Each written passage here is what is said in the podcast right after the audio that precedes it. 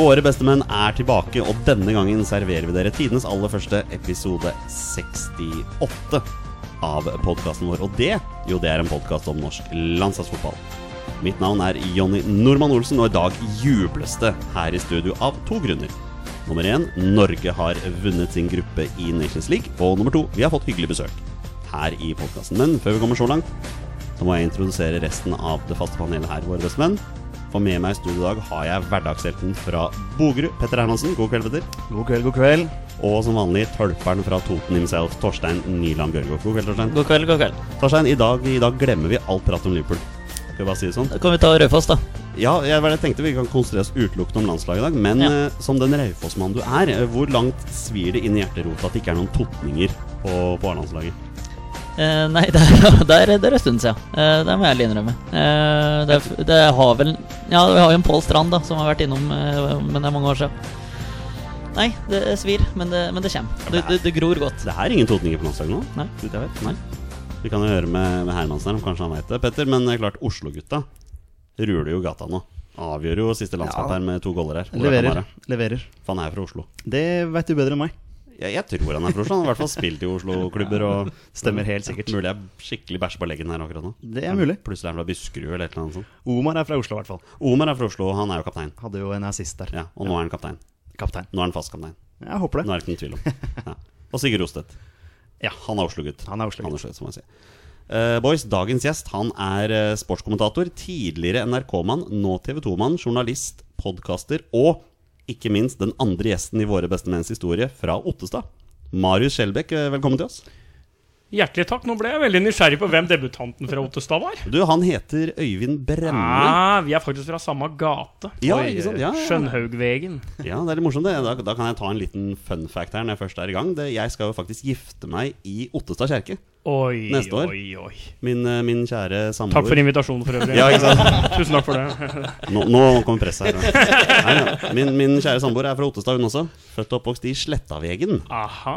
Eller Slettaveien. Slettavegen. Det står Slettavegen på, på skiltet. Ja, jeg tror alle egennavn på Hedmarken faktisk da er med vegen og ikke veien. Ja. Eh, Ruben Gabrielsen er vel det siste fra Toten, eh, hvis du da blander de temaene dere var i. da Ja. Oslo og Toten, så hadde Ja. du fått Ruben Gabrielsen fra Groruddalen og Toten. Det er vel siste fra Toten, men vi fra Hamar skal ikke være så altfor høye og mørke, vi heller, Nei, nei, nei. eh, når det kommer til Det er jo et navn du liker å nevne her, Torstein. Ja, Ruben, Ruben vet jeg godt hvem Ja, er. din, din beste venn i oppveksten. Ja, det, jeg prater mye med Ruben, og så godt kjenner jeg ham ikke. Jeg kan si en ting, Marius, at Etter at jeg ble sammen med min kjære for snart fire år siden, jeg hadde nesten ikke hørt om Ottestad engang. jeg. Nei. Jeg sånn, Men jaggu, det, det dukker opp mer og mer. Altså, Vi har jo Ståle Solbakken, som er vel noe rundt om der også. Ja, altså Ståle er jo, bor jo på Hamar, har bodd i Ottestad, faktisk i en sokkelleilighet i Movegen 2. Når vi er inne på U-landslagsfotball og Ottestad, så må vi jo si at uh, målskårer for uh, U21-landslaget her, Nico Mikkelsson, kommer fra Ottestad. Simen Bolkan Nordli,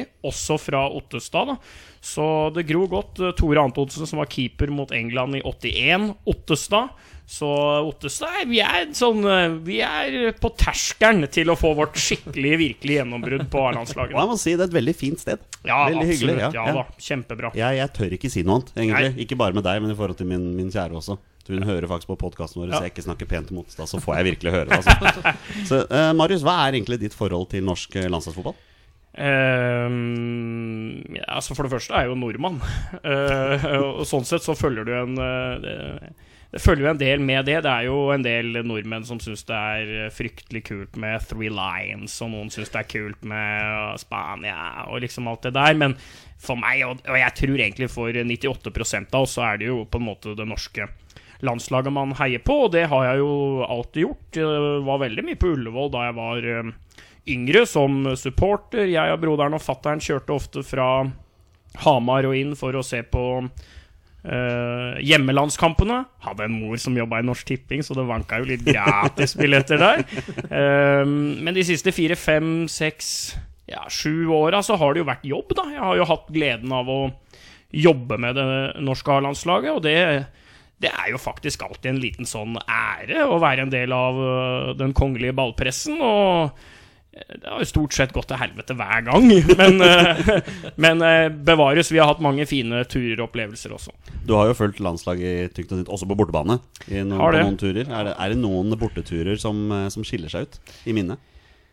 Eh, ja, det er jo ganske mange. Eh, jeg er nok født med en liten sånn derre Om ikke eh, Om ikke en klisterhjerne, så i hvert fall litt sånn uh, uh, anstrengt forhold til egen hukommelse, og husker jo mye. Og, men det er eh, sånn uh, det er jo ofte litt sånn at man husker ofte det negative eh, mest. Jeg tror folk flest nesten husker skilsmisser bedre enn bryllupsdager. Og det har jo vært langt flere skilsmisser med det norske A-landslaget enn det har vært eh, eh, hvetebrødsdager og bryllupsreiser. Så Budapest der i 2015, den, den, den svir ennå. Og du var der, ja. Mm, Eh, var der. ja. Eh, bevitnet også en skjærtorsdag i 2016-0-0, da det regna både bortover og oppover i, i Tallinn, en treningskamp der. Det er vel nesten de to jeg husker eh, aller, aller best, sånn eh, følelsesmessig, faktisk. Men vært på mange fete kamper i Øst-Europa. Albania der, når eh, Tom Høgli utligna til 1-1. Det var vel i eh, 2013, eh, juni. Den husker jeg godt fordi at Albania kunne lede gruppa hvis de hadde vunnet. Og det var en helt eh, vanvittig atmosfære på det gamle, falleferdige stadionet i Tirana. Det tok 25 000, men det var sikkert 60 000 inne der. Det var ikke innlagt vann, det var ikke nett, det var ikke res reserverte presseplasser. Det var mer silikonpupper, for alle spillere hadde jo modelldamene sine. Og for å si det sånn, de, de lever godt, de, altså. De hadde da tatt presseplassene.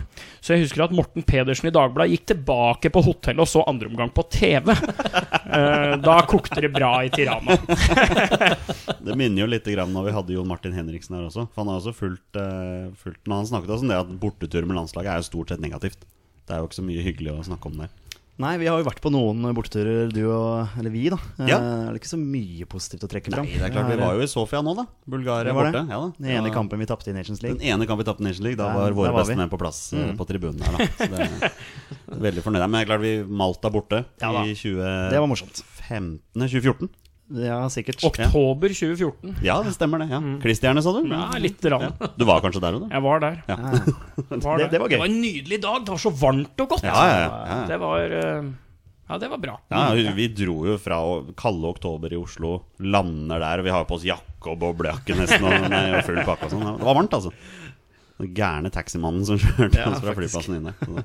Um, Lars Lagerbäck, eh, Marius. Hva, hva, hva syns du om han? En eh, meget eh, intelligent, sosialintelligent, uh, høflig, skikkelig mann.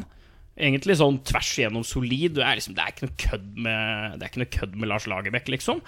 Og så har han jo eh, udiskutable resultater å vise til. Eh, sånn sett var jeg aldri bekymra, sjøl om vi, eh, vi dreit oss ut i Stuttgart og, og så ut som et juniorlag i, i Belfast, så var jeg aldri bekymra for at Lagerbäck skulle få det til. Men eh, jeg tror nok også Lagerbäck var usikker på et punkt. Jeg, eh, jeg tror han hadde tatt over en pasient som hadde litt bedre prognoser enn det faktisk viste seg. Men eh, han har en måte å spille fotball på, og en litt sånn jeg, jeg blir ofte veldig imponert over ledere som klarer å, å, å få så mange mennesker til å adlyde, lytte og beundre ved å prate så lavt og være så rolig og anstendig. Og det er jo de eh, inntrykkene og rapportene jeg får fra de spillere jeg kjenner, og at Lagerbäck er ikke noe sånn som kaster fotballstøvler inne i garderoben og, og sånn. Og så, og så har jo dette her en ende. Lars Lagerbäck leder jo ikke Norge i, i ti år, men han har eh, gjort oss til et skikkelig fotballag igjen.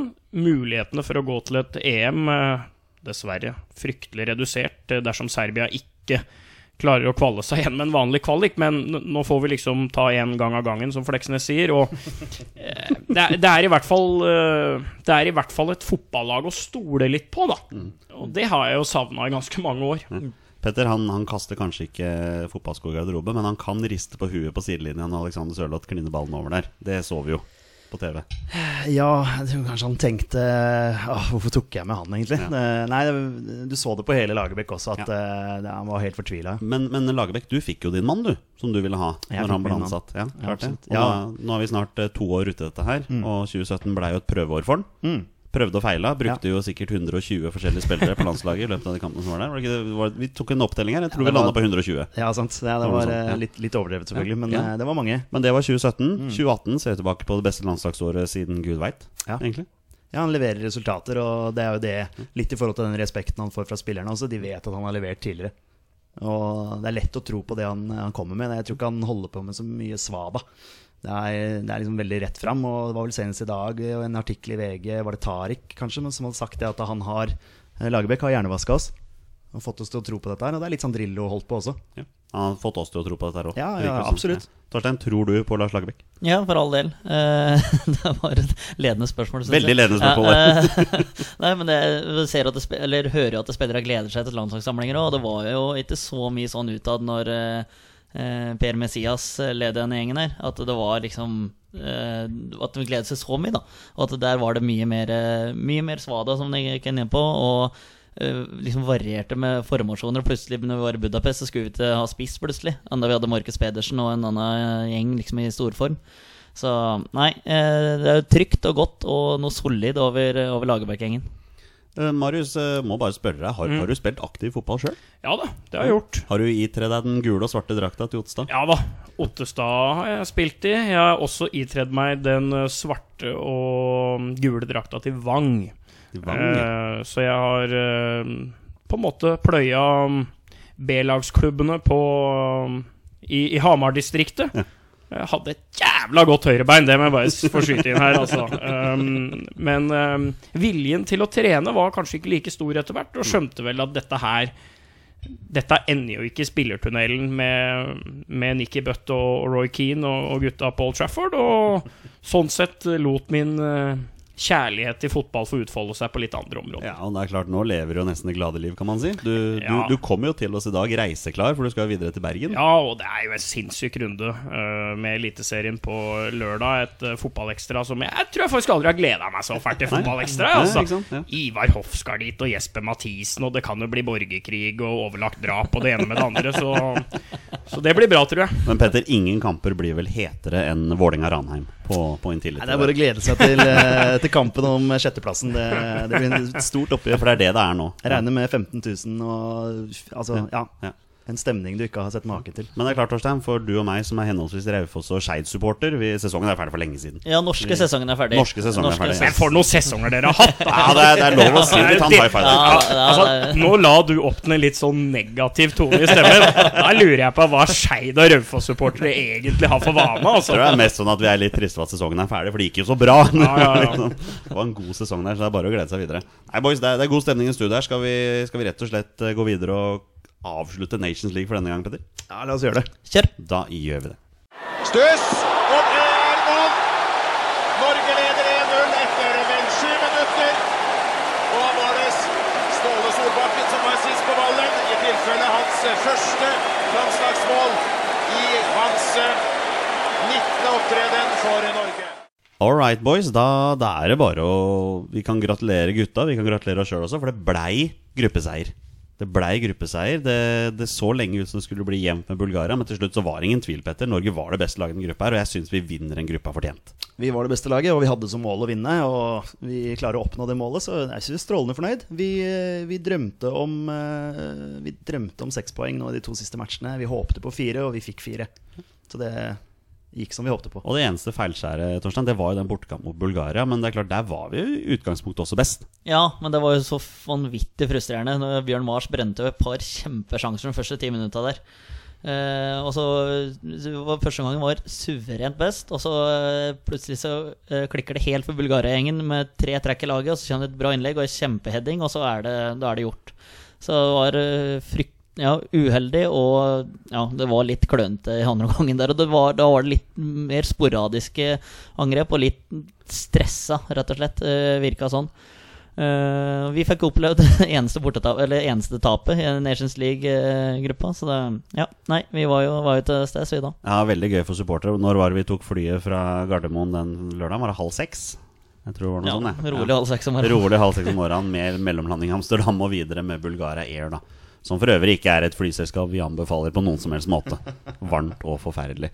Uh, Marius, vi, vi, vi må bare ta det med en gang. Du har jo dessverre ikke sett de to siste kampene, for du var jo på jobb. Ja. uh, Du så noen sånne B-lagskamper isteden, du. Ja, ja, B og B. Jeg B så i hvert fall noen kamper, men, eh, men jeg, du har alltid en, du har alltid en TV disponibel, ikke sant? Så jeg så jo en del. eh, Antagelig en del eh, mer enn jeg burde. mm, eh, men nei da, det var to greie landskamper. Eh, Jeg syns ikke det er de ja, jeg vet ikke. Landskamper lever litt sine egne liv. Og jeg må bare berømme Raufoss her for en meget god analyse av denne Bulgaria-kampen. Jeg er helt enig. Jeg syns Norge var veldig gode i den første omgangen. Andre omgangen er Da knyter det seg, og jeg syns Norge egentlig mister det momentumet som vi burde ha hatt mot et, mot et dårlig landslag. Eh, Bulgaria har fått ekstremt godt betalt i, i Nations League her. Mot Slovenia så er vi bedre enn Slovenia òg, syns jeg. Eh, litt sånn kluss i stoppevekslingene gjør at vi får en i, i Ratata og slipper inn på egentlig det vi, vi har imot, med unntak av den offsiden. Og skaper vel egentlig ikke sånn imponerende mye andre omgang. Vi får med oss det resultatet som, som gjør at vi lever til siste. Og nå mot uh, Kypros så var det jo ikke tvil. Der var vi klart best. Jeg syns den beste omgangen vi spiller i hele Nations League, er den første omgangen hjemme mot Bulgaria. Greit at uh, vi møter et dårlig lag, men da var faktisk Norge ganske gode, syns jeg. Uh, og det er landskamper er vanskelig. Bulgaria slo Nederland her i kvaliken til forrige EM. Vi ser til og med at land som eh, til og med liksom svak motstand som Luxembourg og som klarer faktisk å organisere lagene sine så bra at det ender liksom ikke med 8-9-10-0 hver bidige gang. Eh, Estland Altså, disse landene her er vesentlig bedre nå enn de har vært før, sjøl om Estland hadde vel ett og to år det var litt å prate om. Men poenget mitt er i hvert fall at vinner du en landskamp, spiller du U eller vinner borte, så er det, så er det jevnt over godkjent. Ja, og så jeg tenker, For å dra det inn på klubblaget, at Rosenborg møter, Nå har de den gruppa de har i Europaligaen. Eh, Det er kanskje ikke verdens mest kjente lag for alle andre, men bakgårdsklubba i Europa har begynt å lære seg å forsvare seg, dumme. Altså. Eh, Nå er dette Red Bull Leipzig-laget er vanvittig sterkt, så det har, det er jo sin egen historie. Du trenger ikke å ta det her nå, men de, altså, de kan jo forsvare seg, så andre lagene nede der, og det gjør det veldig vanskelig for norske lag å kunne lykkes i Europa. Og det er litt med landskamper, som du er inne på, Marius, at det er disse landene som du kanskje ikke forventer så fryktelig mye av. De kan faktisk også forsvare seg. Altså. Så det er, det er bare å kjøre over Bulgaria, Slovenia og Kypros, sånn som vi hadde nå. Men som det igjen sies, jeg ble overraska over hvor dårlig Bulgaria var. For jeg trodde de skulle være mye bedre enn det de var. Og når vi så hvor positive vi var i første gangen nedi der, og kjørte over dem på Ullevål Så ja, nei, vi fikk dårlig betalt første gangen der, men eh, ja. ja. Men, men det skal nevnes at Bulgaria er da beste toer i divisjon C. Så hvis et av, hvis et av de playoff-lagene nå eh, eh, går til EM på direkteplass, så er det Bulgaria som kommer inn der, da. Ja, det tror jeg faktisk det serbiske laget kommer til å gjøre. Vi Eh, håper på det. Ja, vi Ja, må jo i hvert fall si håpe det, nå, men Ja. du kan jo liksom lure på åssen det ekstra Joker Nord-opplegget er rata når Serbia er på samme nivå som oss i fotball. Altså det serbiske laget der. Riktignok så har det vært noen kjipe år på Balkan for en fryktelig stolt idrettsnasjon som har trøbla og missa vel Jeg lurer på om det er to mesterskap på rad før nå sommerens VM, men det er et steinbra lag, altså. Kan si det at Før Nations League-trekninga så var da Serbia rangert som det 30. beste landslaget i Europa. Vi var nummer 32. Det er også verdt å nevne at det første sida laget i gruppa vår var Slovenia. Og vi ser hvordan det gikk. Ja. Med mindre de da gjorde det med vilje for å få en lettere vei til EM neste Nations League. Hvem vet, for de havner jo nå i divisjon D og får lov til å kose seg rundt der nede, da. Men der har du jo noen spillestreiker òg, da. Jan Oblak ikke sant, på Slovenia der, som eh, nekta å spille. Ja, det er ikke noe poeng å bruke Jan Oblak når de skal ned i divisjon D. Nei, tydeligvis De kommer til å spasere der. Men det er litt sånn som du sier, altså, selv disse min, selv miniputtene har jo lært å forsvare seg. Og jeg tenker at Nations League er noe de også får nytte av, for de møter med utgangspunkt i jevnbyrdig motstand. Det eneste som er sikkert, og som jeg har sett alltid kommer til å være sånn, er at San Marino kommer til å tape alle matchene sine. For det gjorde de denne gangen nå. Hadde 0-16 i målforskjell. Så den dårlige motstanden til tross, det hjalp ikke så mye for de, da. Så det er sånn for å bare være Men Gibraltar Ja, Som- er, som vi har snakket litt sånn om her. eventyrhistorie med vant, Gibraltar. vant to matcher. Ja, det er moro. Ja. Nå kan vi ende opp med en kvalikgruppe med både San Marino og Gibraltar Ja, i, i gruppa vår. Det hadde vært spesielt. det hadde det. Det må, må, må jo bare si Ja, ja, absolutt. Ja. Men uh, Marius, hva syns du sånn om Nations League generelt? Du kalte det jo for ekstra Joker Nord opp. Uh, Ja, det var uh, Hvis Ekstra Joker Nord er kvalifiserings- og ratingsystemet, så er jo Nations League, som jeg vel har sagt før, en mer sånn landslagsnissene på låven eller Paradise Nations Hotel. Altså, det er, det er jo umulig å ryke ut. Eh, Du skal spille et visst antall kamper, og så taper du alle de, og så tenker du at faen, og nå er det over her. Nei da. Her, er her skal alle på torpet på Farmen. Det er fortsatt mulig å Det er liksom Bent Leikvoll ja, eh, du liksom venter bare på at han og Jesper Mathisen går hånd i hånd med en sånn eh, julesekk. eh. Så det er jo litt, det er jo litt rart å ha et uh, turneringsfenomen hvor verdens beste landslag eh, rykker ned, og, og, og rør og, og, og rart vinner og rykker opp. Men når det er sagt, så syns jeg det er vesentlig bedre enn privatlandskamper. Jeg er helt enig. Og, og, 100% og, og, for Norge er jo dette gull. Ikke sant? Vi spiller jo på et nivå vi hører hjemme. Vi spiller på et nivå hvor vi kan vinne, og sånn sett da vinne en forsikring til å ha en ekstramulighet om, om vi skulle skli på bananskallet i neste kvalik. Det er klart For Cristiano Ronaldo og disse her Jeg tror ikke de bruker så mye tid på å sette seg inn i Nations League. De hører at dette er noe litt rare greier, og, og driter i det. Og og det er litt sånn jeg føler at en del av de store gjør, og så er det noen som tar det på alvor osv. Men til å være liksom en jomfruhøst, så vil jeg vel sånn jevnt over gi det terningkast fire, og det er en bra start, syns jeg. Ja, jeg er helt enig. Synes- Og vi har snakket om det, Petter, at vi var veldig spent på forhånd, men jeg syns dette har vært gøy. Altså Det er kamper Det, er, det er tellende kamper istedenfor privatlandskamper, og det er liksom det er, det er alltid noe å spille for, da. Ja, du har poeng å spille om. Ja. Eh, du så det på de norske gutta nå etter at de, de vant gruppa. De var stolte og fornøyde over det. Du så også, apropos andre land, det betydde ganske mye for England å slå Kroatia her i Nations League. Ja, ja, ja. Så det, ja. Og nå må vi da fokusere på i 2020. Da skal vi kjempe for å unngå nedrykk igjen. Ja, det blir spennende å se hvem da er vi møter. Da er det bare tre lag i gruppa. Ja, ikke sant? Og ja, Og det har vært en kjempefordel at Norge har vært i ei gruppe med fire. Ja, For absolutt. eh, Nations League på nivå 1 og 2, som jeg har kommentert ganske mange kamper i, det var litt sånn Da det begynte, så var eh, laga litt sånn usikre og litt sånn Å ja, men det handler egentlig om å ikke tape her. Kanskje få med et bortemål fordi det går på innbyrdes. Og så skjer jo litt som det skjer, og så kommer vi til siste runde nå, og så er på en måte Tyskland ute. Sjøl om de hadde slått Nederland 5-0 i siste, så hadde de på en måte vært ute. Derfor er det mye bedre å være i en sånn firerturnering, for det er et mye mer vant konsept for spillere, og de er vant til å spille Europa, Champions League osv. Så, videre. så det er en kjempefordel å være i gruppe med fire. Men det sykeste med hele det Tyskland-greien er at de nå da har prestert å falle så mye at de er sida som nummer to. De er på andre seedingnivå når vi skal trekke EM-kvaliken eh, neste søndag. Ja. Så jeg tror, jeg, misunner- jeg tror de som er førstesida der, jeg tror ikke, de har ikke lyst til å trekke Tyskland der. Altså, Nei. i divisjon. Det har for så vidt ikke vi heller. Nei. Bare, bare så det, er- så det er klart Vi har ikke lyst til å Det er vonde minner. vi har ikke så lyst til å innse at uh, EM-kvaliken er over før den har begynt. på en måte Hvis Vi får det Hvis vi skal gjennom det neste uke. Da vi ja. på det der sånn.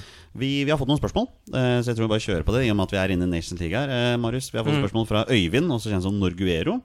Eh, tror, du, tror du Ødegaard blir valgt foran Johansen på høyrekant framover? Nei, ikke opplagt. Uh, det syns jeg ikke. Uh, jeg kunne vel egentlig ha sett at han hadde starta forrige kamp, men jeg, det er ikke så mye å mase med dette her. Jeg tror Lagerbäck er så, så selvsikker og så, og så klar over hva Ødegaard har å bidra med òg. Han er jo han, han synes jo at Martin Ødegaard er en eh, fabelaktig fotballspiller, men det er på en måte 4-4-2 trumfer alt, og da må det bli plass til eh, den og den spillertypen. Og Stefan har jo sånn sett vært med unntak av Slovenia borte, så syns jeg Stefan har vært grei. Eh, når du bærer det kapteinsbindet, så fører du en del forventninger og krav med seg, og der har han kanskje ikke helt levert, og det blir ei litt sånn kapteinsfloke, men i kraft av dødballer osv., så, videre, så hører det jo med at når Selnes nå har kommet inn og fått den flyten, så er det jo ingen som etterlyser venstrebeinet til Stefan, ikke sant? Så jeg vet ikke, men at Martin Ødegaard kommer til å spille veldig mange landskamper, det, det er jeg helt sikker på. Så får vi se når neste kvalik begynner, hvor, hvor landet ligger. Marius Skjelbæk syns eh, Stefan Hansen har vært grei. Da setter jeg ordet rett over til VBMs eh, største Johansen-kritiker, Petter Hermansen. Du, eh, du er veldig misfornøyd med det Stefan Hansen har prestert. Ja, det er vel flere av oss som er det. Nei, nei, bare deg. Nei, okay. ja, først, og fremst, først og fremst er det ikke Stefan Johansen sin feil at han blir plassert ut på kanten. Eh, hvis Stefan Johansen skal spille fotball, så syns jeg han skal ligge sentralt i banen. Så det er liksom første problemet, da. Eh, når han først er utpå der, så er han utpå der eh, kun fordi han er kaptein. Det er liksom den følelsen jeg sitter igjen med. Eh, han hadde også en pressekonferanse her før eh, før uh, Kypros-kampen, hvor han sa det at uh, grunnen til at jeg ikke presterer, er fordi jeg spiller så lite i klubblaget. Jeg mener Når du spiller lite i klubblaget, så bør du ikke være på landslaget. Så enkelt er det. Men det er jo igjen Lagerbäck sin feil, da. Stefan er jo en utrolig viktig spiller i, i landslagstroppen. Han er en av veldig få som har etter hvert en ganske lang internasjonal erfaring. Han har eh, etter hvert ganske mange år bak seg som eh, landslagsspiller. Og han er en av de som, som tar til orde, som snakker med Perry, som under spillemøter, i pauser osv. har en stemme som de andre hører på. Og det er en viktig rolle Stefan har i, i det landslaget. Og så er han en veldig godt likt spiller. Han, han er en ålreit ambassadør, hvis vi ser bort fra det der å fly og, og feire med øra. Men altså, fotballspillere er noe jævla rare dyr, og de, de lever i sin egen verden og tror at liksom hele verden altså. Men, men uh, Stefan er en veldig viktig mann for Norge, og han er klink i den troppen uh, any day, tror jeg, da. Om ikke, men ikke klink i elveren. Det er han ikke, altså. Nei, det, er ikke. det er han ikke. Men i troppen så er det ingen tvil. Det er morsomt når du nevner det med hysjinga, for jeg tror det ble kommentert på sosiale medier. Og vi nevnte jo også at Ola Kamara hysja. Nei, han kyssa fingeren. Han gjorde, det var det han gjorde. For det var flere som skrev at han, det var flere som skrev at han hysja. Ja, han som var på vei til hysja. Kanskje. Kanskje. Ja, kanskje. Uh, Torstein uh, Marius nevner jo Ole Selnes her, mm. som er en spiller vi har vært tidligere vært litt kritisk til, men han har virkelig tatt plassen sin nå. Altså. Ja, men nå har han levert over ti òg. Ja, uh, nå vet Det var en fransk journalist som skjelte den ut her for et halvt års tid siden, og nå samme journalisten som hyller den nå. Uh, viser at det var ikke bare et blaff den vi viste mot Bulgaria der. Var suveren den matchen. Uh, Steppa opp gamet mot Slovenia igjen. Hadde kanonskåring der. Vært solid disse to matchene her, så han er virkelig i form. Og den dødballfoten hans litt småslurv mot, uh, mot Slovenia ved et par anledninger, men dægeren hakk, altså. Sånn strør pasninger underveis i kampene der, og utsida er så arrogant, men det er så nyttefullt at det har At han gjør det at ja, du skjønner hva jeg mener, da. Selv om du ikke får fram mora, så skjønner ja, jeg hva du mener. Ja, hvis jeg forklarer med kroppsspråket, så Nei da. Men, eh, men, eh, han har virkelig begynt å levere nå og tar ordentlig tak på midten der. Og um, det er um, Det skal bli hardt å få Sander Berge inne der nå, altså. Kan Selnes og Berge, kan det være en duo? Markus Henriksen, hva gjør vi da? Ja. Er, um, vi har tatt diskusjon før. Veldig lett for podkastlyttere å tyde kroppsspråk for øvrig. Ja, ja, det, men det, det, bør de skjønne. Men det er klart, Selnes skårer jo det som potensielt er årets mål også for landslaget. Ja, for all del. Det var en ordentlig rakker. Han er via, da, er han ikke da? Ja, han, han er via, da, da, mener jeg. Men hvilke andre mål skal Skåringa nå mot uh, Kypros, f.eks. Ja, Kamara sin. Det er, det er jo en kjempeskåring. Ja, Bjørn, Mars, Bjørn Mars mot Island. Bjørn Mars mot Island. Ja, det, er det er corneren du snakker om her? Nei, ikke corneren. Nei, Nei, jeg tenker på altså, pasning fra Nordtveit, heading fra Omar. Det, er jo, det er jo sånn du ser de beste lagene i verden skåre mål. Ja, det er for så vidt sant Faktisk. Det, Nei, hvis, vi skal ha en kåring av det om et par uker, så blir det spennende å se som, hvem som stikker av med seieren der. Uh, vi har fått et spørsmål til. Kjell Tore Engvik spør Kan en duo bestående av Selnes og Berge fungere. Ja, der kom den, ja. eh, ja, klart det kan det. Det er jo, det er jo to gode fotballspillere. Eh, to spillere som antagelig begge to kanskje bytter klubb neste sommer. Grunnen er jo at du mister litt duellkraft hvis du tar ut Markus Henriksen fra den midten. Du mister den Uh, litt sånn vaktmesterrollen. Markus Henriksen er uh, hodesterk. Der er det bare å glemme Selnes, altså. Uh, og Sander Berge lokker jo øya når han nikker. så det gjør jeg òg, for ja, jo, jo, men, men, kun, men nå er det var ikke spørsmål om du kunne fikk en duo. jeg sitter her. Dere er en fin trio, dere. Kvartett i dag, da. Ja, ja. Um, men um, ja, selvfølgelig kan det funke. Men um, jeg har ikke sett noen grunn til å snu om på dette her nå. Det er jo litt ironien i landslagsfotball. Plutselig så er det noe som funker, og så blir på en måte kjæledegget number one for Lagerbäck, som har vært Sander Berge, er da plutselig ute av elveren. Så Men igjen, det er litt som det Martin Ødegaard-greiene, altså. Disse gutta er født i 98. Altså, de kommer til å spille mye, og så lenge landslaget flyter og går bra nå, og de har jo fortsatt en sentral rolle, begge to, så vil det bli skader og karantener, og det er det i hvert fall kan folk være helt trygge på. Med Ole Selnes så vil det bli karantener. Så det vil bli rom for andre sentrale midtbanespillere i Norge. Men uh, Sander Berge, Petter, med, med hans uh, Han har jo ferdigheter som ingen andre spillere på landslaget har. Altså, du ser Når han først bestemmer seg for å forsere en spiller, så gjør han det jo uten problemer. Altså, det er klart, det er jo, det er jo ferdigheter her som vi, vi kan savne i en førsteelver. Ja, absolutt. Og så har han jo til og med begynt å skåre mål. Eller begynt å skåre mål. Han har skåret mål for, mål. Uh, i, i Belgia der, så Ja. det er liksom noe med å dra med det inn på landslaget. da Uh, Det er jo det du liksom savner litt fra midtbaneposisjon. Uh, Markus Henriksen hadde vel noen skåringer mot San Marino der, men eh, ja. Eh, Selnes har jo skåra, men det er litt sånn der sentrale spillerne som eh, bør levere litt mm. poeng, da. Og skuddet til Selnes eh, var jo også via en spiller. Ja, det, bare nevne siden Ja, Men, eh, men det med Markus Henriksen nå, eh, selv om det ikke har sett helt sånn ut i hans siste halvår, eh, kanskje, så er jo han sånn i utgangspunktet en mer målfarlig midtbanespiller enn både Selnes og eh, Sander Berge sånn historisk har vært. Da. Han er eh, tyngre på dødball og, og, og bedre i, i mellomrommet sånn eh, når det kommer til skudd osv. Så, videre. så jeg syns Henriksen har, vært, har hatt en kjempehøst, jeg, faktisk. Ja. det syns jeg. Skal vi ta noen flere spørsmål? Ja, det, var derfor, eh, det var vel derfor Høgmo brukte han som spiss også i den uh, Ungarn-kampen. Ja, det var sikkert veldig god stemning blant Mm. eh, pressen da i Budapest når du så startlaget der. Ja. Ja, det, det, var en, det var en opplevelse. Ja. Det var Harald Martin Brattbakk som fløy oss ned med Norwegian også, så det var jo litt sånn skjebnens ironi der at eh, målsnik, eh, målsnik nummer én i norsk fotballhistorie fløy landslaget ned for å drite oss ut i Budapest uten spiss.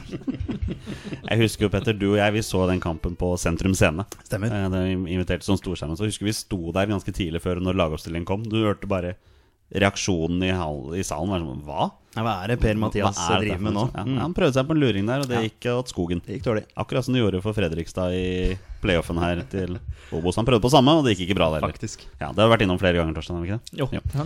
Vi, vi kjører på og tar noen flere spørsmål. Denne skal du få lov til å slippe sånn i utgangspunktet, Marius. Men Bjørn Døe Rudsagen spør Kan han synge hiten sin 0-0 i Tallinn. Du skal få lov til å slippe dem. Du kan gjerne forklare hva dette handler om. Nei, dette altså, er det, er ikke det, det er ikke det verste, det. Altså, vi var vel så vidt innom det i introen her. Ja. Det var jo en litt sånn Det var jo en litt rar følelse, på en måte. Dette er jo da i eh, etterdønningene av solformørkelsen i eh, Budapest, og den sola den kommer jo aldri tilbake.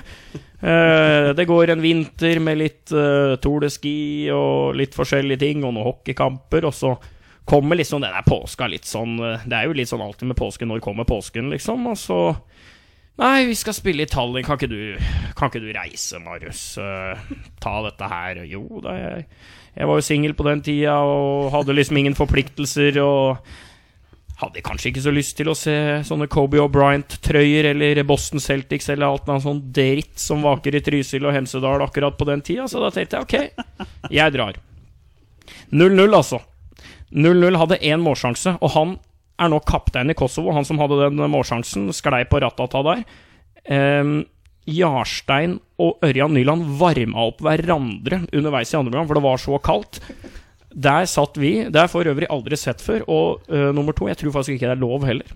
Så uh, havner vi på en pizzakjeller øh, i Tallinn. Jon Martin Henriksen, Asbjørn Myhre, som, uh, som jobber i TV Norge, og øh, et par til. Og der kommer det inn et sånt øh, band, et sånt skikkelig sånn som du ser på Grünerløkka og sånn. En sånn et sånn toppa rumensk lag der, da, med hvert sitt instrument. Og bassen mangler en streng, og trekkspillet det var eh, begynte å bli surt sånn i 87-88. Men det duger i hvert fall. da, Så, så begynner de å dra i gang den herre eh, eh, instrumentalen til 'Det var på Capri jeg så henne komme'. Og så begynte liksom Hadde den gått et par runder, da, så var jo litt godt i glassa, selvfølgelig. Så jeg begynte vel å Vi har spilt 0-0 mot Estland i Tallinn. Vi har spilt 0-0 mot Estland i Tallinn. Og så begynte liksom de andre borda å se litt på. Så folk syntes det var litt stas. Det hadde jo liksom ikke skjedd så mye i, Tallinn siden de vant uh, Grand Prix midt på 2000-tallet der en gang. Folk syntes jo dette var litt stas, da. Så måtte vi gå betale bandet da for å kjøre videre. Og da, da gikk jo rima bare med, med stall inn og ball inn og kall inn og så videre. Så nei, det blei en, det ble en hit. Han har sunget den i Heia Fotball, og nå har han sunget den i Våre beste menn. Ja. Så det, vi tar med oss det. er Morsomt at du nevner Kosovo. Jeg måtte bare gå inn og sjekke det. Kosovo skal jo også spille playoff. For de vant til sin gruppe i divisjon D. Så det betyr at i EM, eh, i EM i 2020 kommer de enten til å få Kosovo, Makedonia, Hviterussland eller Georgia. Hvilket av de landene vil du helst se i EM, Torstein? Nei, det er Kosovo, da. Bare for å være snill. Nei, ja, jeg, nei, jeg vet ikke. Nei. Du sier vel Makedonia, vil jeg tro, Petter? Jeg får si Makedonia fordi Alioski spiller der. Ja. Ja. Leeds-spilleren. Leeds-spilleren, Alioski. Mm. Ja. Så bare så du veit det, Marius. Ja. det sitter en Ja. Leeds-supporter her. Ja. Så, men vi skal ikke snakke så mye om engelsk Engelsk ball i dag. Uh, Bjørn Erik Vestli spør hva er ditt eh, beste og verste HamKam-minne? Uff a meg. Hvor skal du begynne? Ja Nei, jeg har mange gode minner. Uh, beste minne må vel være opprykket i 2003 der. Uh, HamKam måtte vinne. Uh, lå under 1-0, og så skårer Frode Birkeland 2, og, og HamKam uh, rykker opp feiring på torget der. Samme Frode Birkeland ut i en beige dress på torget på Hamar og er forsanger på egen låt. Uh, det var et uh, vanvittig øyeblikk, for det, det, det betydde så mye for hele byen. Det var Ståle Solbakkens første sesong. Eh, det var så lenge siden, føltes det da, da, ut som HamKam hadde vært oppe og krangla med fotballeliten igjen. Så viser det seg at det, det har jo gått lengre tid nå. Uh, HamKam slo Rosenborg i den comeback-sesongen i Tippeligaen i 04 2-0 på Briskeby, var klart best. Det er sånn selvfølelsesmessig helt enormt, for uh, da, da, da rundspilte HamKam Rosenborg på Briskeby, så den er på andreplass. Tredjeplass der veit jeg nei, men ikke helt. Men jeg kan være tre. HamKam vant også 3-0 på Lerkendal et år. Eh, det var eh, også et stort øyeblikk. Verste Skal vi se, hvor lang tid har vi? nei, det har, vært, det, har vært, det har vært mange tunge stunder. Et eh, fryktelig tap mot Elverum borte med Kent Bergersen der for et par år siden. Det var grusomt. tap i Sarpsborg da HamKam var oddsfavoritt til å rykke opp fra Obos-ligaen, det het vel Adecco-ligaen da, til Eliteserien, og endte faktisk med å rykke ned. Med, hadde et budsjett på over 40 millioner, gikk 26 mill. i underskudd. Eller, nei, nei, her. Neste. Man har bare lyst til å strø litt salt i såret, men det er klart 0-4 mot Skeid på Nordre Åsen i fjor, da. Den var sikkert også Ja, den, den, det var det, men det var en jævla rar var en fotballkamp. helt for det, absurd det, det, det var egentlig ikke sånn at Ja, det var helt greit at Skeid vant, og jeg hadde ikke noe problem med det, men det var ikke noen 0-4-kamp. Nei, absolutt ikke. Uh, så ja. Nei, men uh, Du var jo der, Petter. Det var du jeg. var på den kampen også. Det var selvfølgelig jeg også. Det er klart Når vi vinner 4-0 og keeperen vår blir kåra til banens beste Suverent Ja, også. men, det var nå. Ja. Han fløy og Ja, men- nei, men, men jeg, jeg var litt uenig, for det husker jeg. Jeg syns han Jens sentralt der Ja, ja, var best ja, den kampen. ja. Han var faktisk veldig god den Han har jo dessverre lagt opp nå. Ja, jeg veit det. Jeg hørte det. Det har vært mye skader og ting som har plaga ham. Men Og, og keeperen er fra Raufoss, Torstein. Han- Ja, fra Eina. Idar Nordby ja, Lysgård. unnskyld, det er da, Raufoss og Eina, Ja, det, det er viktig, viktig forskjell. Yes, right, Vi bare ruller videre. Eh, Doffen eh, med hashtag julebrus for life. Han har jo vært innom før. Han spør hvem blir neste A-landslagsspiller fra Sørlandet? Ingen som vil komme med noen navn her? Sørlandet. nei, du har jo han derre Tobias Christensen som Ja, er brukbar, før, men det er, det er fryktelig langt opp, da. Det er veldig langt, men det er det vel det ene nærmeste vi kommer, vel? Ja, det tror jeg nok. Ja, det er nok det. Skal vi bare si det sånn? Tobias Christensen? Ja. Fint, da gjør vi det. Da skal du straks få lov til å komme med ditt drømmelag her, men vi har ett spørsmål til. Det må vi ta. Det er spart til slutt fordi det er viktig. Stein Olav Buer spør hvorfor er det så populært å snakke landslaget ned? Alle vet vi er langt unna toppen, men det må da vel være enda viktigere å glede seg når man kan? Jeg syns det er et kjempespørsmål. Fordi jeg vet, når jeg følger sosiale medier og diverse debattforum, at til tross for at vi har åtte seire, én uavgjort og ett tap i år, så er det fortsatt mange som snakker landslaget ned. Hvorfor er det så populært? Hvorfor skal det være sånn? Jeg, jeg veit ikke. Jeg har ikke noe godt eh, svar på det. Er det de negative resultatene over lengre perioder som har ført at det blir sånn, Marius? Ja, det er jo Det er jo grunn én, selvfølgelig. At uh, folk er lei av å se Norge tape. Uh, det tror jeg er grunn én. Uh, grunn to er vel at folk blir litt inspirert av hverandre. Så tror jeg at det er sånn at fotball i dag er så tilgjengelig at man kan se så mye i så mange ligaer, og, og, og følge Premier League tett, eh, La Liga, Serie A, Bundesliga, Champions League ruller og går i midtuka. Og så kommer landslaget, og så blir det liksom en sånn Åh, jeg orker ikke sånn Norge-Kypros nå. Og da og når du da i tillegg eh, driver og taper disse kampene, da får du en sånn derre forsterkende negativitet, da. Eh, I tillegg til at ja, jeg, jeg, jeg vet ikke. Vi har vært litt mangel på profiler. Det har vært litt mangel på folk å heie på, tror jeg. Uh, av spillertyper de siste fire-fem åra. Men selv i år, da, med et år hvor vi har vunnet åtte av ti kamper, så er det fortsatt folk som er negative der ute. Ja. Da, da føler jeg at det går litt sport i det. altså Ja, At liksom Landslaget skal man være negative til. Ja, og så er det nok mange som, som, eh, som heier på andre landslag òg. Ja, det har jo vi sett. Holder med England, Det som har vi sett. holder med Tyskland istedenfor Norge. Det klarer ikke jeg å skjønne. Vi har jo vært på Ullevål på Norge-Tyskland og sett nordmenn med Tyskland-drakt. Da, da mister jeg det litt, altså. Det, det klarer ikke jeg å Ja, forstå. Det var helt forferdelig. Ja, det- det, det, må jo være lov å si det, Torstein? Ja, ja, for all del. Norge og Eh, Tyskland har jo en litt spesiell historie, kan du si. Ja, det er, det er, det er lov å si det. Nei da. Vi kan dra det tilbake. kan jo være noe familiært der, selvfølgelig, men, eh, men ja. Ja, nei da, men det er, dette har eh, jeg Men jeg, jeg opplever at det er ikke i nærheten av så mye som det har vært, da. Nei da, det har det ikke vært. Det er det ikke. da, Eh, Altså siste året til Per Mathias der, eller siste, siste høsten der Altså Det er greit vi taper 3-0 mot Tyskland, men vi, tre dager før det så tapte vi jo 1-0 på Ullevål mot Var det Hviterussland, da? Jeg lurer på om det var det. ja. Du og jeg var jo Ja, der. vi var der, så en helt forferdelig kamp, og da ble jo oppladningen til kampen helt grusom. Så nei, det har vært, vært mye negativt, men nå er det positivt. Nå Ja må vi bare tenke positivt. Ja. Nå kommer en EM-kvalik, og vi har en mulig playoff-kamp her. ja. Og alle kommer til å heie på Serbia i EM-kvaliken. vi vil jo ikke ha Serbia Tror du ikke vi slår Serbia, altså? Jo, jo, absolutt. Jeg vil Hjemme absolutt- mot Serbia. Jo, jeg, med er Lagerbäck og det Nei, vet du hva. Det er- Fordelen er én kamp. Ja. Ja, Fordelen er at det er ikke hjemme borte. Jeg er ikke i tvil om at vi kan slå Serbia, men hvis du ser hvem vi potensielt kunne fått der, så er det jo ikke en tvil om at vi fikk det sterkeste motstanderen. Nei. Altså Når du ser hva slags spillere Serbia kan eventuelt stille med, da, Ja, så nei, er det et bra lag, altså. Det er bra Hvis det, er, hvis det er en mann jeg tror kan få til noe mot egentlig hvilken som helst nasjon, så er det Lars Lagerbäck. Ja, ja, ja, ja, absolutt. Og, jeg, og ja, vi har hjemmebanefordel i mars. Jeg vet ikke om det er noe positivt. Det betyr vel at Eliteserien begynner i februar for at spillerne skal være klare og sånn, da, men uh, Nå er det jo ikke Eliteserien. Begynne nå, begynne nå, så har vi halvannet år. plutselig kom kontramelding fra NFF. Nei da, gutta, dette har vært eh, kjempegøy. Skal vi, skal vi høre litt fra gjestens beste menner, eller? Ja, la oss gjøre det. Da gjør vi det. Keeper blir stengt, og det er skåring. Det er skåring, og Ståle Solbakken, som ikke har skåret før denne kampen, gjør sitt andre mål. Og Norge leder 3-0, og det er ikke gått ett minutt av andre omgang. Da Petter Hermansen, har vi kommet til et segment som jeg vet vi, vi i Vårbesen liker veldig godt, og det er gjestens beste menn. Og det er jo da hvor gjesten kommer med sitt, sitt eget personlige drømmelag bestående av spillere som har en fortid på A-landslaget. Og kriteriene og formasjon det velger jo gjesten sjøl. Så Marius, nå er vi veldig spente på hvor mange HamKam-spillere du har med på dette laget her. altså Er det et par, faktisk? Ja, det det. Eh, Men uh, jeg syns jo den spalten er fryktelig kul, da. Uh, og dere har den, og mange andre podkaster har den. Men uh, jeg liker jo best når det er et spesielt kriterie eh, for laget. Og jeg tenkte liksom nå Hva skal jeg komme med nå? Men eh, satt og dribla litt eh, på T-banen på vei opp her, og fant ut at jeg skal nå ta ut eh, mitt yndlingslandslag av spillere som kun har én landskamp. Å, den er oh, Den er fin! Den er fin. Her er fin. Ja, så jeg eh, Nå kommer jeg til, å- nå kommer til å avsløre veldig mange potensielle 20 Ja, spørsmål-spillere i fremtiden her. Så her er det bare å ta notater, se. mine herrer.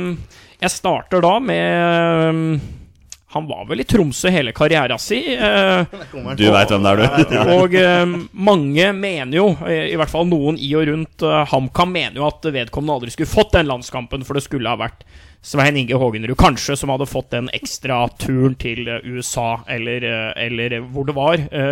midt på 2000-tallet, men keeper med én landskamp på mitt lag. Det er Knut Borch. Endte aldri i Arsenal, som var den store, store debatten om eh, Eller om det var bare rykter, eller hva det var. Eh, Arsen Wenger kjøpte aldri Knut Borch, men han er iallfall tatt ut på mitt lag. Hvor mange ganger har dere vært innom han på 20 spørsmål, Torstein?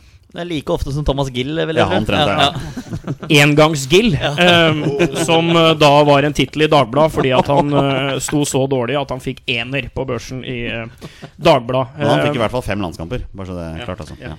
Jeg tror at ja, Dette er nok kaptein på laget mitt. Eh, borti imot uh, sjukt at han bare fikk eh, én landskamp. Det, det, sier jo veldig mye om hva alternativene på stoppeplass eh, i Norge var på fra midt 90 til midt 2000. En spiller som fikk den landskampen som Liverpool-spiller. Bjørn Tore Kvarme Ja! er eh, min kaptein. Han var bare eh, én landskamp, utenlandsproff i, eh, i mange forskjellige land, og fikk altså landskampen sin som Liverpool-spiller. Tror det var en eh, treningskamp mot uh, Colombia. Det var i hvert fall under eh, Drillo. Ehm, så en eliteserieslugger. Eh, nå er han jo Han er mer på landslaget nå, for å si det sånn, fordi at han er jo agent. Og, og styrer jo med karrierene til et par dyktige norske fotballspillere. Det kommer nok mer og mer også, tror jeg. En strålende mann. Er ikke så Ja, han spilte jo bare rett ned i hugget her òg. Jeg vet den der. Mike Kjøle. Han er gammel Skei-spiller. Bare så det er klart. Mike Kjøle, vet du. Uh, så er det Så er det en fin en, altså. Med, med en landskamp. Faktisk en av de spillerne, tror jeg, som har flest U-landskamper i Norge gjennom tidene. Um, Blei vel ikke Altså, han var, han var en god fotballspiller. Uh, stor på Kongsvinger. Hainok Tran uh, tar den tredje plassen i backrekka. Vi dreiv jo et utested på Kongsvinger som het The Shark. Ja, Shark. Shark. Eh, jeg ser jo at dette laget her begynner å bli litt gammelt, fossilt og baktungt, så jeg må ha med noen som eh, garantert kommer til å få flere landskamper. Eh, også fordi jeg tror han passer veldig bra under Lars Lagerbäck. Vært strålende for eh, U21-landslaget. Målfarlig. Har altså en evne til å ta ned ballen. Altså et, et mottak omtrent i eh, verdensklasse. Hvis vi sier at uh, Gøran Sørloth var verdens beste feilvendt, så er ikke han her så mye dårligere med bryst, puppe og mageregion. Uh, Morten Thorsby Morten Thorsby, ja. er altså, er altså en av kantene i min femmer på midten. Så uh, har vi jo en liten personlig darling her. Ikke en darling av uh, Ståle Solbakken, selv om han ble henta til HamKam og skulle løfte HamKam til nye høyder. Var mye skadeplaga osv. Uh, var en råtass til å gå på ski. Og var omtrent en eh, like god syklist. Tror faktisk han øh, sykla eller løp, det husker jeg ikke helt, Birken, rett før han skulle spille en avgjørende match øh, i andredivisjon for øh, Nybergsund. Én landskamp, Rune Buer Johansen. Husker det navnet. Ja, Rune Buer. Rune Buer var god. Han er født 4.9., samme dag som uh, meg, den gamle tyrkiske landslagssjefen Fatih Terim, Beyoncé Nobles og Øyvind Munn, for å nevne noen. Svante Samuelsson, glem ikke han. Ikke Christian i det hele tatt. Eh, og så er det um, limet i laget, som han uh, også da blir kalt eh, på Briskeby. um, 506 kamper for HamKam. Flest kamper for HamKam, men kun én norsk landskamp. Og jeg skal ikke sitte her og, og proklamere at det burde ha vært eh, ti, men han var en eh, en eh, bra fotballspiller, en lojal fotballspiller, og er en strålende mann. Jeg lurer på om han jobber i bank jeg på Hamar nå, men eh, eh, det blir Cato Erstad. Cato Erstad. hadde én eh, norsk landskamp. Det var uh, da Norge drev og spilte sånne OL-kvaliker osv. Uh, det er jo mange som har fått sine landskamper her, eh, for å si det sånn, ikke på Wembley og på The Kaup i Rotterdam, men i litt perifere vinterturer og eller andre oppdrag hvor noen antagelig da har meldt fravær. Men det driter jeg i. Dere får møte opp når sjefen ringer. Så en spiller som jeg mener kunne og burde fått flere landskamper. For dette her var en eh, knakende god fotballspiller, syns jeg. Fra mm, et sted hvor det kom eh, og kommer mange gode norske landslagsspillere fra. Fra Sunnmøre. Men var vel best eh, faktisk eh, i Romsdalen, da han spilte for Molde. I eh, kjempesesongen til Molde, da de eh, gikk inn i Champions League der på slutten av 90-tallet. Landskampen tror jeg han fikk som Hammarby-spiller. Men eh, Og Hammarby er også en klubb jeg liker veldig godt. Eh, det blir eh, Karl Oskar Fjørtoft. Ah, Eh, det syns jeg var en steinbra fotballspiller. Så eh, den siste kanten. Her har jo Norge og Europa gått glipp av en, en fantastisk fotballspiller. Han var antagelig det største talentet, synes jeg, og i hvert fall hele Sogndal eh, synes han var det. Men blei grisetakla av eh, Det var vel Odd Inge Olsen, dessverre. Var det ikke det, tro? Det er helt riktig. Ja, da skjønner du hvem jeg skal til. Eh, har vel fortsatt det raskeste eliteserieskåringa i Norge Skålinga, skålinga, raskeste eliteserieskåringa! eh, på 11 sekunder. Det er for HamKam, men han var jo soleklart best som tenåring i Sogndal. Tommy Øren har kun én landskamp. Han hadde hatt flere hvis det ikke var for den taklinga. Han har vi også vært innom i 20 spørsmål før, Torstein. Ja. Tommy Jørn er Ja. en liten favoritt. Ja, han var så god. Han hadde så mye. Han hadde en sånn arroganse, teknikk. Eh, kunne minne litt om Magne Hoseth, men var kanskje eh, Han hadde ikke helt den der eh, blikket og pasningsspillet til Hoseth, men han var nesten enda råere som en sånn Arjen Robben-kamp. Ja, Så hadde du det laget med Sogndal, da. oh! Stadheim og Ødegård der, og nei, fader, Ja, det var en vært... Robbie Russell på øyrebekken Ja, ja, ja. Ja, var en fin gjeng. Eirik Bakke, altså laget var jo verdt eh, Laget var jo verdt flere hundre millioner. Ja, ja, fantastisk lag. Um, Så er vi framme ved de to siste spissplassene. Den ene eh, er jo i hvert fall i Oslo eh, ofte eh, nevnt i samme åndedrag som eh, landslaget. Eh, det er jo en herlig ironi som klanen har. Eh, ingen supportergruppe i Norge har bedre ironi enn klanen. Men denne landskampen fikk en ikke for Vålerenga. Den fikk en faktisk for Viking. Cupmester i Viking, målskårer i en cupfinale for Viking. Én landskamp blei det bare, men eh, hjertelig velkommen på mitt lag og klar for din andre, Morten Berre. Siste. Ja, nå sa jeg vel at Jeg vil nok, jeg endrer nok Jeg vil nok ha han her som kaptein. Uh, han må nesten få plass på, på dette laget her. Uh, en um, En knakende god kar. uh, som vel ikke gjorde sine beste dager som norsk landslagssjef. Per Messias Mathias Høgmo. Der har vi mitt lag i en eh, 3-5-2-formasjon med spillere som kun da fikk én landskamp. Jeg elsker at han avslutter med Torstein Bjørgaas personlige favoritt, Per Mathias Høgmo Altså, ja. Å. For et lag! Ja, det var kjempeartig. Det der var moro. Ja. Moro vri på det. Morsom vri. Ja, helt, helt Eh, fantastisk. Det, og dette, dette rabler du sammen på T-banen opp, altså. Ja. Jeg, må jo, jeg legger jo litt stolthet i det òg. Ja, det er bra, det er så, så derfor tenkte jeg liksom at eh, hvis, hvis jeg ikke hadde bestemt meg for et kriterium, så hadde det blitt liksom ah, Han var god, han Mm. var god, han var min favoritt, og han var din favoritt. Det blir liksom hvem, hvem bryr seg om hvem jeg syns var god da jeg var åtte-ni år, liksom? Men her er det en helt konkret uh, greie, og internett i dag er jo såpass um, uh, hva skal man si, til hjelp. At uh, du kan fort finne ut hvem som bare er én landskamp, og så kan du sitte og plukke litt, og så har du jo noen som du veit fra før, og så, og så blei det et ålreit lag. Ja, for et lag. Det var det mest kreative lag vi har hatt hittil, tror jeg. Det er det nok, Ja, ja. det må jo være det. Torstein, kommer du på noen? Nei, det her er kjempeartig, og det forundrer meg nesten hver gang vi har sånn gjestens beste menn, at Torgeir Bjarmann ikke har én landskamp. Nei, så? Det er litt spesielt. Men det kommer vi tilbake med Bjørn Tore Kvarme-opplegget. Ja. det var mange bra stoppere på den tida der, som Ja. gjør at han nå ikke hadde noen... Det er noen Bommen har jo heller ingen Nei, landskamp. sant? uh, Petter Belsvik har ingen landskamp. Riktig. Kunne ha hatt med Trond Olsen her, og han tror jeg har én landskamp. Um, Supersub. Supersub. ja. Han får sitte her på benken min, han. Han får sitte på benken, ja. Sammen med Stian Nord. Ja. Alle rykker ned ved Stian Ja, ja, ja. Da hadde du rykka ned fra Nations League. Ja. Det tror du, ja. All right, boys. Vi, vi nærmer oss slutten her. Skal vi, skal vi avslutte med en klassisk runde 20 spørsmål, Petter? ja. La oss gjøre det. Da gjør vi det.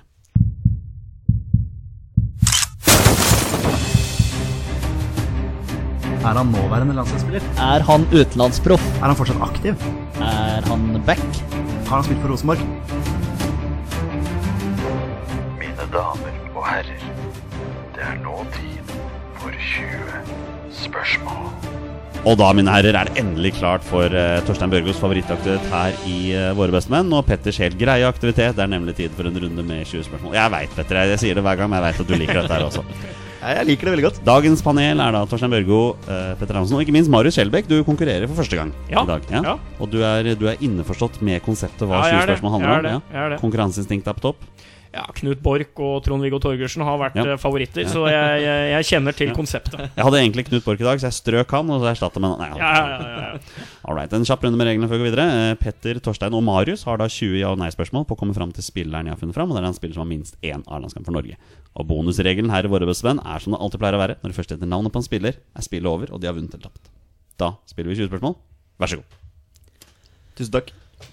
Dere får begynne, dere, da, som Ja, er kan, eh, kan, kan starte her i midten, jeg, da. Ja, starte midten. Dritten i midten starter. Er han fortsatt aktiv? Nei. Nei, det er greit. Eh, neste er jo Vi prøver å finne ut en posisjon, da. Så det kan være greit å prøve å finne den. Eh, er det midtbanespiller? Nei. Da svir vi jo fort av, eh, ikke sant? Eh, men hvis vi skal holde oss til posisjon det, Jeg tenker jo, ja Nei, men eh, er eh, vedkommende forsvarsspiller? Nei. Nei, Skal vi sjanse på at han er angrepsspiller, eller skal vi spørre om det? Det er greit å spørre om det tilfellet det er Nei, tilfellet er Men spiller vi sp- Ja, ja. Ja, kjør, Marius. Hvis du Nei, nei, men nå, nå begynner det sånn. Nå er han jo enten spiss eller keeper, da. Ja. Sannsynlig. Ja. Eh, så da vil jo kanskje et spørsmål være om han har over eller under 50 landskamper. Vil jo fort være avslørende for hvem det kan være. Kjør den, du. Eh, har vedkommende over 50 landskamper? Nei. Uff da. Syns du det var avslørende? Nei.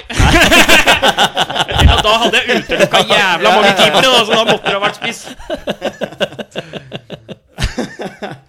Da trekker jeg meg tilbake. Ja, Skal vi bare altså, prøve å få konkludert med posisjonen her? Så vi har noe å jobbe etter. Er han, er han angrepsspiller? Ja. Okay. Spiss som er lagt opp. Det er mange. Det er det. Ja, skal vi uh... Vi må jo finne ut litt av tida hans her, da. ja, Ja. altså når han har spilt. Han har under 50 landskamper. Om han har vært med i et mesterskap. Ja, Det er et godt spørsmål. Kan Det være er et jævlig godt spørsmål. Kjør. Har han vært med i et mesterskap? Nei. Ikke sant? Um, da kan det jo være fryktelig mange de, de siste åra. Det er det vel mest sannsynlig, da. Mm. Um, Prøv litt i forhold til når han spilte landslagsfotball. Ehm, Ja, altså, det er Altså- bare sånn navn som liksom bare detter ned. Torstein Helstad. Jeg tenker sånn, For han har ofte noen ifra distriktet der liksom gjesten er, kan være fra. Vi har, Mm. hatt, han har vel gått litt bort fra det, kanskje? eller? jeg har gått litt bort ifra det, Ja, men mm, ja. ja, han, men han passer jo. Han har jo under ja. 50 landskamper og, og, og fikk jo aldri noe mesterskap. nei. Uh, det kan jo være. Kan Jeg, være vi, tipper ikke på navn allerede Nei, nå. nei, nei. nei, nei, nei, Men, nei. Nei, men det kan jo være en sånn eh, name-dropping, da, så vi bare har ehm, Har han spilt for HamKam? Nei. Jeg visste det spørsmålet kom til å komme. Jeg måtte bare Ja, Da er det, da er det, Da er det ikke. Fjørtoft, Nei, ikke Helstad. Belsvik har null landskamper, så det er ikke Ikke Vegard Skogheim. Espen Olsen Nei, Nei. da. Men litt i forhold til uh, ligaer han har spilt i, da. Er det muligens en eller annen utenlandsproff, kanskje? Om man skal poppe det vanlige Premier League-spørsmålet, eller om det kanskje Om det er veldig mange som forsvinner derfra. Uh, har mange flere der som har vært med i mesterskap, da. Men noen er mest kjent for karrieren sin i Norge eller som utenlandsproff, da. Ja, det blir liksom Det blir veldig svada, det Men, men, men har han, for eksempel, har han spilt landskamper under Per-Mathias Høgmo eller seinere? Ja. Har han spilt landskamper for Per-Mathias Høgmo eller seinere? Nei. For da fikk vi utelukka to Ja. Ikke sant? Ja. Drillo, Drillo eller Semb, da. Ja, Det er et nytt godt spørsmål. Ja. Men det må Da har vi, vi. Åge òg, da. Ikke sant? Det er en jævlig Ja, lang Åge var periode, inne der for Det er sant, det. Åge var inne der òg. Mm, ja. Der kan du se. Ja. Glem, Um, glemte jeg farta. Nei, men den er jo grei.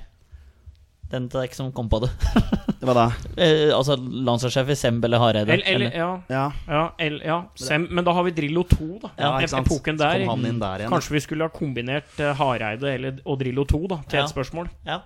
For hvis ikke da, så veit vi at det er 90-tallet og frem til uh, Sem ga seg. Ja. Kjør, Marius. Da blir da spørsmålet uh, landskamper under eh, Åge eller eh, Drillo 2. Det var jo et eh, Det var ikke et ja-nei-spørsmål, var det det? Jo. Jo, det var det. Ja, for du slo dem sammen, Da, uh, under, har vedkommende landskamper under Åge Hareide eller Drillo 2. Ja, da skjønte jeg hva han mente. Mm. Ja. Ok, Det er fint. ålreit. Ja, det er jo litt sånn eh, interessant å komme seg litt hjemover også. Altså, hvilke klubber han har spilt. Han har sannsynligvis spilt for en eller annen klubb i Norge. Ja, Mm. uh, det eneste vi har utelukka, er HamKam. Og da var det mange som falt av lasset. Ja, sant. Ja, Nei, det kan jo være det, Dette kan jo være Det kan være Ole Martin, det kan være Tariq uh, uh, Men han har lagt opp! Ja, han har lagt- Han han har lagt, han har lagt opp, ja, det, kan det, være, det kan være Ole Martin. Ole Martin går under der. Eh, ja. Ole Martin Sigurd Rushfeldt har vi hatt før. Ja, vi har kanskje Ja, jeg husker Jeg ikke. mener, jo, jeg mener vi har hatt Sigurd Rushfeldt før. eh, Men eh, ja, spørsmålet er jo om man skal prøve å komme seg inn i Eliteserien nå, da. Om Ja. man Ja. har spilt for uh, ja, eller hvilken landsdel han er fra. Det er jo litt færre Ja. igjen. Ja. Ja. Ja, Bra, det, med Ja. nye spørsmål. Landsdel er fin.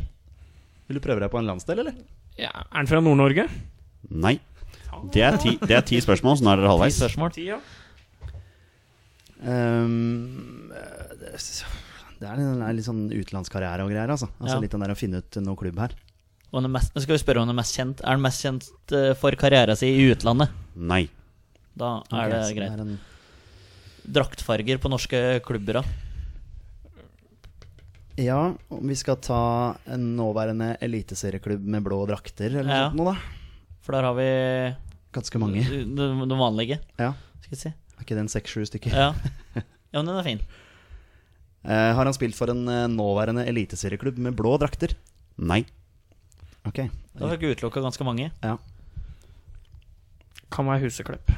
Kan være Huseklepp. Ja, han men er han ikke er lagt fortsatt opp, da. aktiv. Han skal spille. Han Ja. spilte nå i helga, Ja. spille nå i helga, eller hva faen det var. Så det kan bare- ikke være Det er du som pleier å surre med dette her, Torstein. Ja, det er bare bra, sånn. det er bare bra med navn. Eh, Han er mest kjent for eh, kamper eh, I Norge. Han har under 50 landskamper. Ja. Spørs om han har, liksom, har han over Har han over 10, da, så har han jo en del. Ja. Hvis ikke så kan det være veldig sånn perifer. Ja. Men skal vi spørre om han har, un altså, om han har under ti landskamper, liksom? Ja. Altså, skal vi gjøre det? Ja. Har han under ti landskamper? Nei. Oh, okay, så han er en plass er mellom ti og litt betrodd mann, da. Altså, han har jo spilt litt. Og Han er mest kjent for Dere har brukt 13 spørsmål. tre- han er mest kjent for karrieren sin i Norge. i Norge, og ikke for et lag med blå drakter, så da er det jo bare å Ørne Brann har hatt det. Bengt Seternes. Ja, det kan Bengt. Men han spilt, dårlig han har spilt eh, for uh, Vålerenga. Vålerenga, så det er, det er ikke ja, han. Nei, nei. Det er ikke han. Oi, oi, oi. Viking, Erik Ne- ja, De har eh, Nevland blå, har- drakter. blå drakter. Og de er jo ikke i Eliteserien heller, men det kunne, kunne vært. Nei. Eh, Brann kan det være, Start kan det være, Lillestrøm kan det være. Eh, Alex Valencia, angrepsspiller, har jo spilt i Han har vel ikke vært innom noe med blå drakter, så vidt meg Den er fin, bekjent. men vi har hatt navnet før. Vi har hatt tror vi Alex Han har nok, rundt Den er fin. ti landskamper. Eh, ja, det er bare veien videre. Eh, om vi skal bare holde oss i Norge. Ja. Bare finne ut klubben han har spilt for i Ja, har han Norge. spilt for Rosenborg? Ja. Eh, da er det vel Harald Martin, kanskje. Eller, ja, det kan det være. Det, da Ja, han spilte vel ikke under Drillo og Åge. Jeg var der under Ja, det tror jeg kanskje han var. Men det kan være Harald Martin. Det kan jo være Det kan ikke være når la- Steffen. Når la Harald Martin opp, da? Nei, det var vel sånn rundt 04-05, tenker jeg. Jeg trodde det var før, jeg, men eh, det, det skal ikke jeg si sikkert. Altså, men, er Holm kan det ikke være, for han har spilt i Vålerenga. Ja. Ja. Uh, skal vi se. men Rosenborg, da, altså, da må det være mulig å få til dette her. Ja. Eh, Rosenborg-spiss. Jan Derek. Nei. Han har spilt i Vålerenga. Han spiller Vålerenga. Ja, jo, jo. Men eh, hvis vi holder oss til Brattbakk, da. Han er ikke nordlending. Kan man...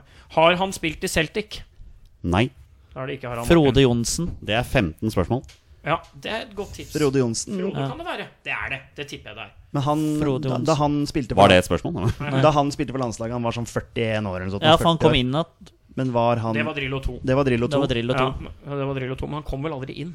Det var hjemme mot Sveits der. Han har over ti landskamper. Å ja, Ja. det har han nok. Har han spilt i Japan? Ja. Da har vi. Da har vi. Har han, Eh, har, han spilt, har han spilt for Odd? Ja. Er han uh, født uh, i um, mars? jeg, jeg, jeg tror han er det, faktisk. Ja.